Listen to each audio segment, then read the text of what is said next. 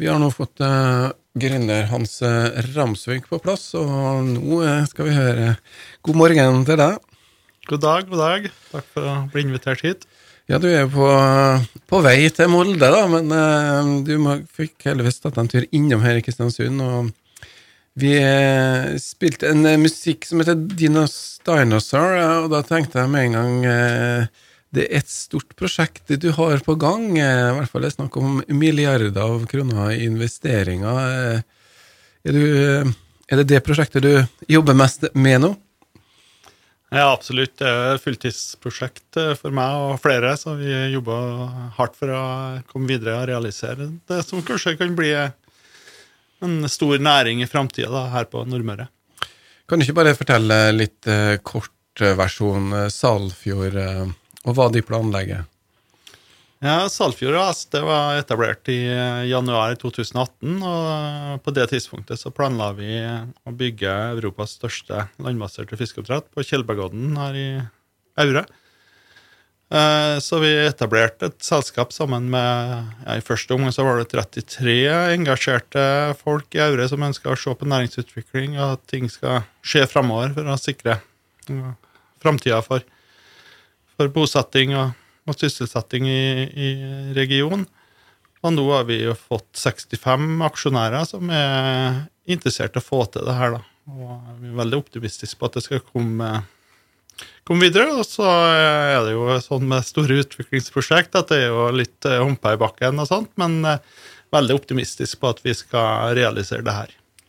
Ja, det her er jo da landbasert eh, oppdrett, og det er jo det at de trenger litt areal som eh, er utfordringa, ikke det?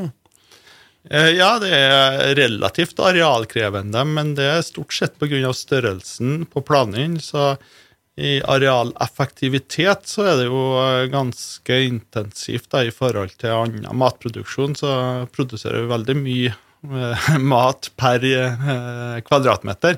Eh, men når det er så store, store anlegg, så er det jo ganske arealkrevende. Og fotavtrykket for vårt, eh, vårt anlegg eh, som planlagt er ca. 120 mål. Og hvis du kan oversette til en fotballbane, går det an det? Ja, nå har jeg meget lite kunnskap om fotball i det hele tatt. Men det går noen fotballbaner der, i hvert fall? da. Det går noen fotballbaner, det gjør det. Men ja. ikke i all verden heller. Altså, 120 mål, det blir ja Tre Ja. Det blir en, det blir en del areal, i hvert fall. Det skal da selvfølgelig Det må jo fjernes, det sprenges ut. Ved siden av Tjeldbergodden det skal, eller hvor skal det her Hvor er planene?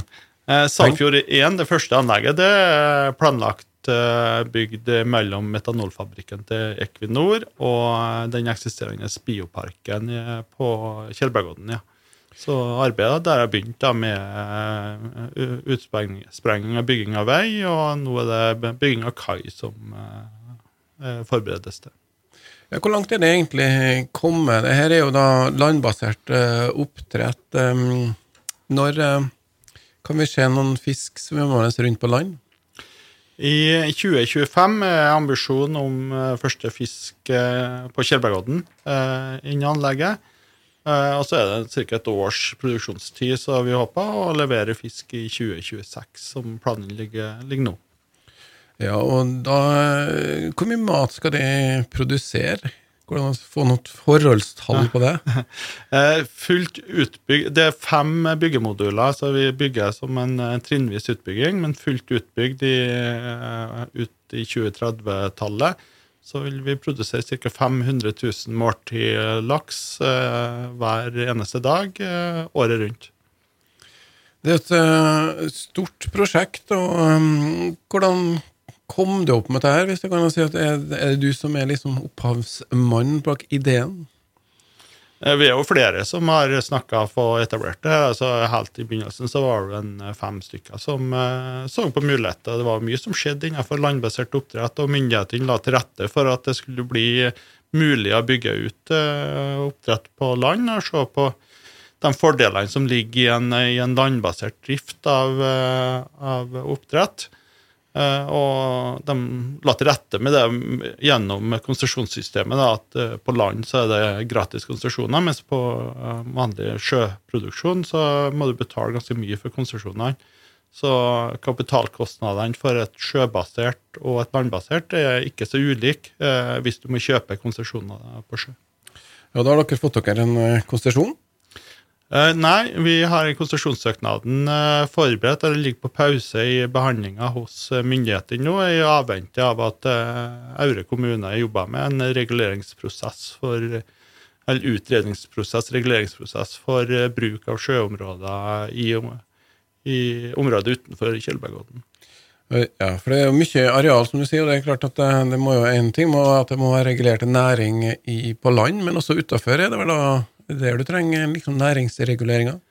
Eh, det er Tradisjonsmessig så har det vært lite kontroll, lite detaljregulering av bruk av sjøområder. Jeg tror nok vi ser mer og mer av det fremover. Men det her er jo et pilotprosjekt hvor Aure kommune er veldig fremoverlent i forhold til det som har vært gjort tidligere. Så det er et spennende prosjekt som kommunen holder på med, der. Og vi håper å få resultater fra det nå tidlig neste år.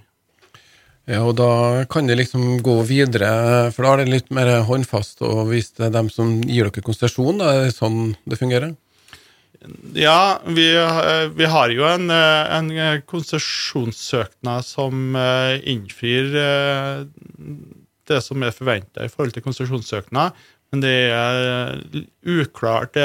For sektormyndighetene så er det nytt det her med landbasert oppdrett, og det er ikke så mange som har fått konsesjoner. og det er spesielt kanskje Mattilsynet som har behandla litt det her som en, eh, som en variant av sjøbasert oppdrett, og opprettholder litt det samme regelverket, eller fortolkninga av eh, regelverk som de gjør for sjøbasert oppdrett, mens vi mener at han må se litt på alternativ, alternative løsninger. Det er spesielt på en, en, en en retningslinje som går på at det skal være fem kilometer mellom oppdrettsanlegg, eh, som brukes også for landbaserte anlegg. Eh, men eh, Så det burde, det burde, kanskje heller vært behandla som landbruk der, da? Eller at ja, en litt annerledes eh, tankegang? For det vel forurensning og smitte, og altså De slipper jo den eh, på belastninga på sjøområder som eh, da medfører Du må ha et annet kontroll på strø og strøm og, og, den biten eh, der. Det er det mener jeg som er forskjellig? Ja, det er jo eh, Vi har jo mulighet til å behandle og rense og desinfisere sjøvannet som vi tar både inn og ut. og Da er den avstandsgrensa litt mer kunstig i forhold til, til nærhet mellom anlegg. Eh, og når vi kan ta vare på utslippene våre og bruke det til en annen type produksjon, så gir du det muligheter til at en kan ha en økt intensivitet på produksjon lokalt i området òg. Så det her er kanskje da mindre belastning på naturen enn et uh, sjøanlegg, er det du sier? Det er helt avhengig av lokaliteter. Noen lokaliteter i fjordene har mindre evne til å ta imot organisk uh, utslipp enn f.eks. Uh, større områder, eller Trondheimsleia, som er et veldig stor resipient som har mulighet til å, å håndtere store organiske utslipp. For det blir en del biologisk uh, avfall da, av oppdrett av fisk? Ja, det, fisken eh, har jo avføring, og det er jo litt fòrspill. Eh, blir jo mer og mer kontroll på det på sjøbasert òg, men eh, fremdeles så er det jo en vekst i næringa som medfører at det totale utlappet blir jo større. Og på landbasert så kan vi da kompensere med å kanskje rense ut store deler av utslippet. Og så er det jo den spennende at en kan bruke det avfallet for oppdrettsnæringa til noe innsatsmiddel for annen type næringsliv. Ja, jeg har sett at det har vært en del eh, forsøk med å utnytte i fôrene eh, på de sjøbaserte eh, på en bedre måte. Og, og, det er vel kanskje det at det er et lukka anlegg som gjør eh, det her forlokkende, men det er vel det som også gjør det utfordrende, er det ikke?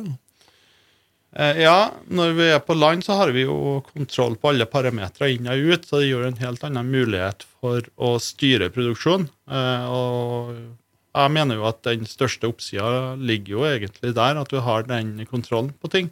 Og kan følge, følge opp produksjonen på en, på en annen måte da, enn sjøbasert. Men, men, det er jo tidlig altså Det er ikke mange anlegg som eh, Eller hvor mange anlegg er det som er operative og leverer i hvert fall den landbaserte delen? Eh, det er jo ikke noe veldig mye anlegg som er i operasjon av den størrelsen. Det finnes jo landbaserte Vi har jo postsmoltproduksjon i Norge hvor du produserer litt større smolt enn det som er normalt er satt ut. Den kan jo være oppi, kanskje helt opp en kilogram. Så det er jo en del tradisjon der, og så er det mye utvikling innenfor eh, resirkuleringsteknologi, så at de produserer land, en, laks på land i plasser hvor du ikke forventer at du skulle gå an å produsere laks. Eh, men det er litt forskjellige teknologier. Vi har valgt en teknologi som passer for Norge i forhold til sjøvann, tilgang på sjøvann. Ja, Vi har jo noen nordmenn som prøver å sette opp et anlegg i Florida også. Hva er forskjellen på teknologiene? Går det an å forklare det uten å bli for teknisk? Eh, ja. Eh, I Norge så har vi jo tilgang, plenty tilgang på sjøvann, så vår eh, vannbehandling, teknisk eh, bruk av vannet, det er at vi, vi tilsetter oksygen, og så lufter vi ut for uh, CO2 da, som fisken puster ut. Så vi gjenbruker ca. 60% av vannet, og så tilsetter vi uh, råvann da, på en 30-35% Så vi bruker veldig mye sjøvann. mens et resirkulingsanlegg som f.eks. i Florida, så gjenbruker de kanskje 99% av vannet. Mm, for å gjøre det så må de ha en bakteriekultur i et biofilter som spiser opp eh, avføringer fra fisken, ammoniakken, eh, og omdanner den til nitratforbindelser. Eh, men det betyr at du har to husdyr. Du har, og, du har laksen, og du har en bakteriekultur. Dør bakteriekulturen, så dør òg laksen. Så det er en annen risikoprofil, da, kan du si. Og så er det en del utfordringer i forhold til Eh, bakteriekulturen som danner eh, smaksstoffer, sånn geosminsmak, som kan gi en eh, kan være en utfordring uten at vi vet så mye om det. Det er en del usikkerhet rundt den type teknologi. da. Ja, Det blir jo spennende å se om Norge greier å ta det steget inn. For dere er jo litt sånn en del av en ny, ja, en ny del av lakse- og matproduksjon. Hvordan har liksom mottagelsen vært for prosjektet og det de holder på med. De snakker om mange investorer. Hvordan ser markedet på denne type ting? Har de fått noen følere med det? Eh, ja, det er jo eh, stor eh, lokalt engasjement rundt det. Og det er vel litt kapitalfattig her på Nordmøre, må vi kunne si i forhold til andreplass. at den store, store kapitalbiten så må man se litt utenfor selve regionen. Eh, ja, for dere trekker en del penger. Hvor stort eh, er det snakk om? I hvert fall det anlegget som de er inn på, på Aure nå? Ja, vi snakker jo om uh, store investeringer. Salmon Evolution i Hustadvika kommune har jo et anlegg med samme type teknologi og litt samme størrelse som vi har. og de har jo kommet veldig godt i gang og holder på å bygge anlegget nå og skal sette fisk eh, i anlegget i mars eh, neste år. Det er jo investeringer på godt over en milliard i, i det byggeprosessen der. Der kan jeg lese Der står det fem milliarder på fem byggetrinn. Eh, det er mye? Ja, det er mye, det er mye penger det, I konseptstudiet så har vi kikka på forskjellige størrelser. Vi har regna litt lønnsomhet i forskjellige størrelser. Så den første anlegget vi regna på, eller det var to anlegg vi regna på, det var et på 3000 tonn årlig produksjon, som er ca. en, en 50 000-8000 kanskje måltid i, i året, nei, per dag. Så regner vi på et som er 7300 tonn eh, kapasitet i året. Og vi så eh, at eh, størrelse er viktig for å få økonomi i prosjektet. Så eh, skal du få, få etablert det, så må det være en viss størrelse for å få nok inntekter til at du kan forsvare investeringa. Ja, du nevnte Salmon Evolution. Det var jo en emisjon da, hvor de ville få inn eksterne investorer, og den ble jo overtegna ti ganger, så det kan jo hende at det, det er litt interesse for det, og mange som I dag så er nok eh, laksebaronene eh, mange, men for 40 år siden så var det kanskje ikke så mange som eh, så på laksen så, så heller. Det var jo noen, noen eh, skjær i sjøen til å begynne med. Hvordan er det, Hvor lenge har de jobba med det? Hvordan, eh, hva er det? De drømmer jo om å komme i gang i 25-26. Du må være litt tålmodig for å holde med på et sånt prosjekt. Eh, hvor lenge har du holdt på nå? Nei, vi begynte egentlig senhøsten 2017, så vi er jo en fire år faktisk vi har holdt på med det. Så det er jo en, eh, det er jo en maraton. det er jo det. Eh, så jeg har jo jobba i oljenæringa og innenfor skipsbygging tidligere og har lært meg at eh, mine forventninger ikke alltid innfris. Så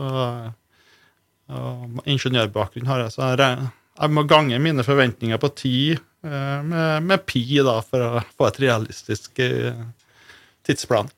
Men du sier at uh, du har jo ikke jobba i laksenæringa som sådan. Uh, hvordan uh, fikk du for deg at du skulle skifte beite? Hvordan får du tak i dem andre kompetansen som kanskje du har? hvordan jobber det?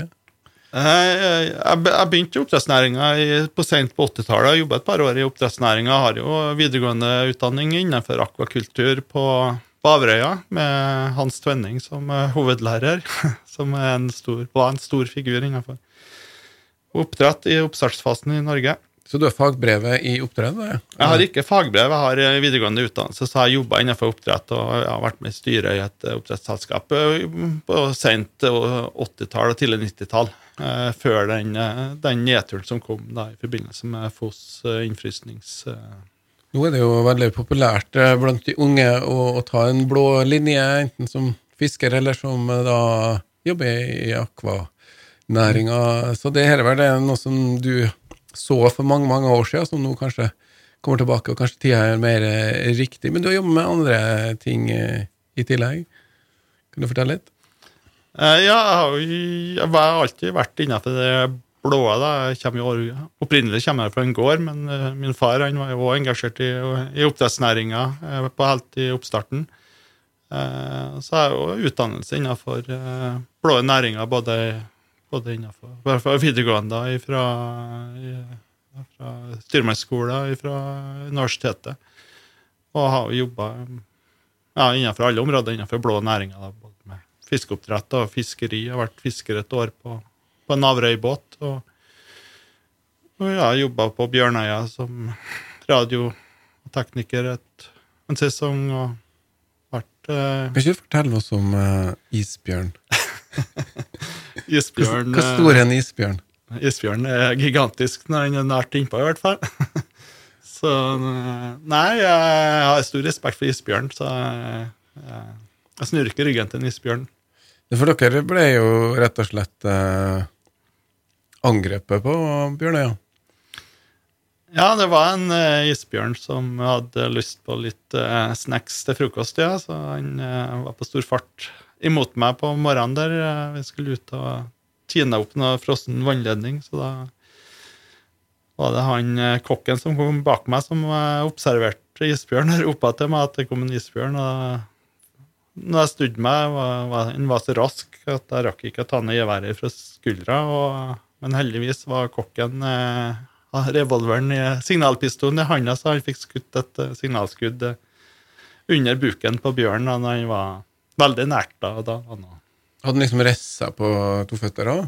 Nei, han var ikke det. Han eh, tenkte ikke Jeg tror ikke han tror ikke han så behovet for å gå på to føtter. Han så bare Det er en ganske svær um, dyr, og den er større enn en vanlig brunbjørn som vi Ja, de er veldig store. Ja. Det er de helt sikkert. Uh, jeg, ja, jeg har ikke vært borti en brunbjørn, men uh, isbjørn er veldig stor.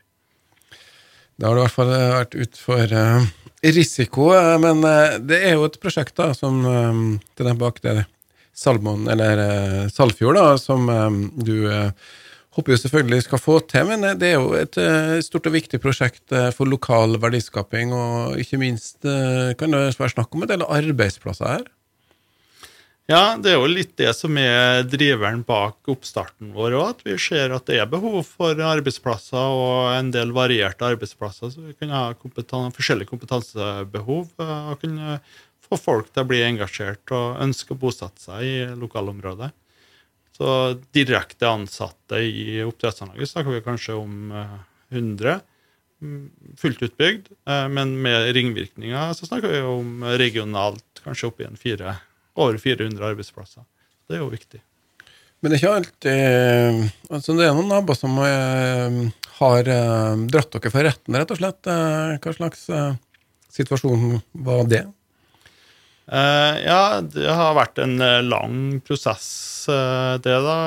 Det har vært sju behandlinger av en klage i forhold til utvikling av tomta, tomta vår. De har ønska at den ikke skulle tas ut med sprenging før, før det var gjort ytterligere utredninger. Ja, så det har vært klagebehandla hos kommunen to ganger, og det har vært i tingretten retten eh, to ganger, har vært i lagmannsretten og i Høyesterett. Og alle, et, alle, instansene har avvist de klagene som har kommet. Så vi, det har vært en lang prosess i forhold til det, men eh, nå har vi jo kommet videre og få avklart det i alle, alle nivåer. så. Det er jo mye areal, og det er klart at det, det påvirker jo kanskje litt rundt oss. Og det er på en måte litt bra at man har fått testa det i rettssystemet så langt, selv om det kanskje ikke skulle være nødvendig, for det er jo snakk om næringsutvikling eh, her. 300-400 eh, arbeidsplasser på sikt. Du har jo også andre planer hvis de får det her eh, i gang. Det er starten på et eventyr? Ja, vi tror at det ligger veldig stort potensial i det her framover nå. da. Det gjør vi absolutt, at det er en, en mulighet. Men det blir jo et supplement til dagens oppdrettsnæring. En, så blir det, jeg tror den framtidens oppdrettsnæring vil bli mer differensiert, da, hvor vi ser oppdrett ute i havet, langs kysten og på land. Og så er det begrensa muligheter på land, for det, det, er jo arealkrevende, og det er jo mye interessekonflikter som kan oppstå ved store utbygginger, som vi snakker om her.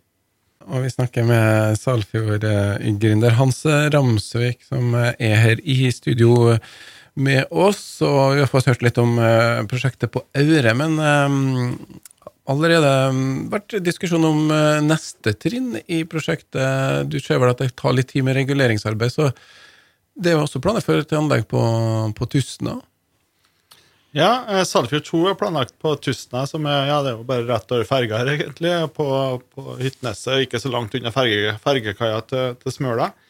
Og det er et område som uh, har større potensial i forhold til tilgjengelig areal, så at vi på Salfjord 2 så planlegger vi en del eh, tilrettelegg for annen type havbruksindustri sammen med oss som kan, eh, som kan, utnytte våre avfallsstoff, og kanskje kan produsere ting som vi trenger i vår produksjon for å få til en mer sirkulær økonomi lokalt eh, i området. Det er bra, men det her er jo, du er en ganske liten organisasjon eh, nå. Eh, hvordan får du Du er avhengig litt eh, samarbeid, tenker jeg. Hvordan får du det til? Ja, det er jo jeg som daglig leder som er fulltidsansatt i Salfjord. Og har god støtte fra mange samarbeidspartnere, egentlig, så vi bruker jo ganske mye midler i forhold til, til utvikling eh, av konsulentassistanse. Og så har vi de gode hjelperne, som f.eks. Vindel her i Kristiansund, som er et, et uh, utviklingsselskap som virkelig gjør en forskjell da, for et oppstartsselskap som Salfjord. Uh, både med kompetanse, entusiasme og, uh, og, og kapasitet. Det er en, en, veldig stor hjelper som vi har hatt store utbytte av. Og så har vi jo lokale selskap som har stor interesse for å bidra. Det, det, det her er jo et samarbeidsprosjekt i stor grad. Og så er det kanskje noen offentlige støttemidler de får benytte dere av også? Ja, vi har ikke hatt så uh, mye offentlig støtte i forhold til en del andre utviklingsprosjekt, men vi har fått god støtte fra Øvre kommune i forhold til noen søknader der.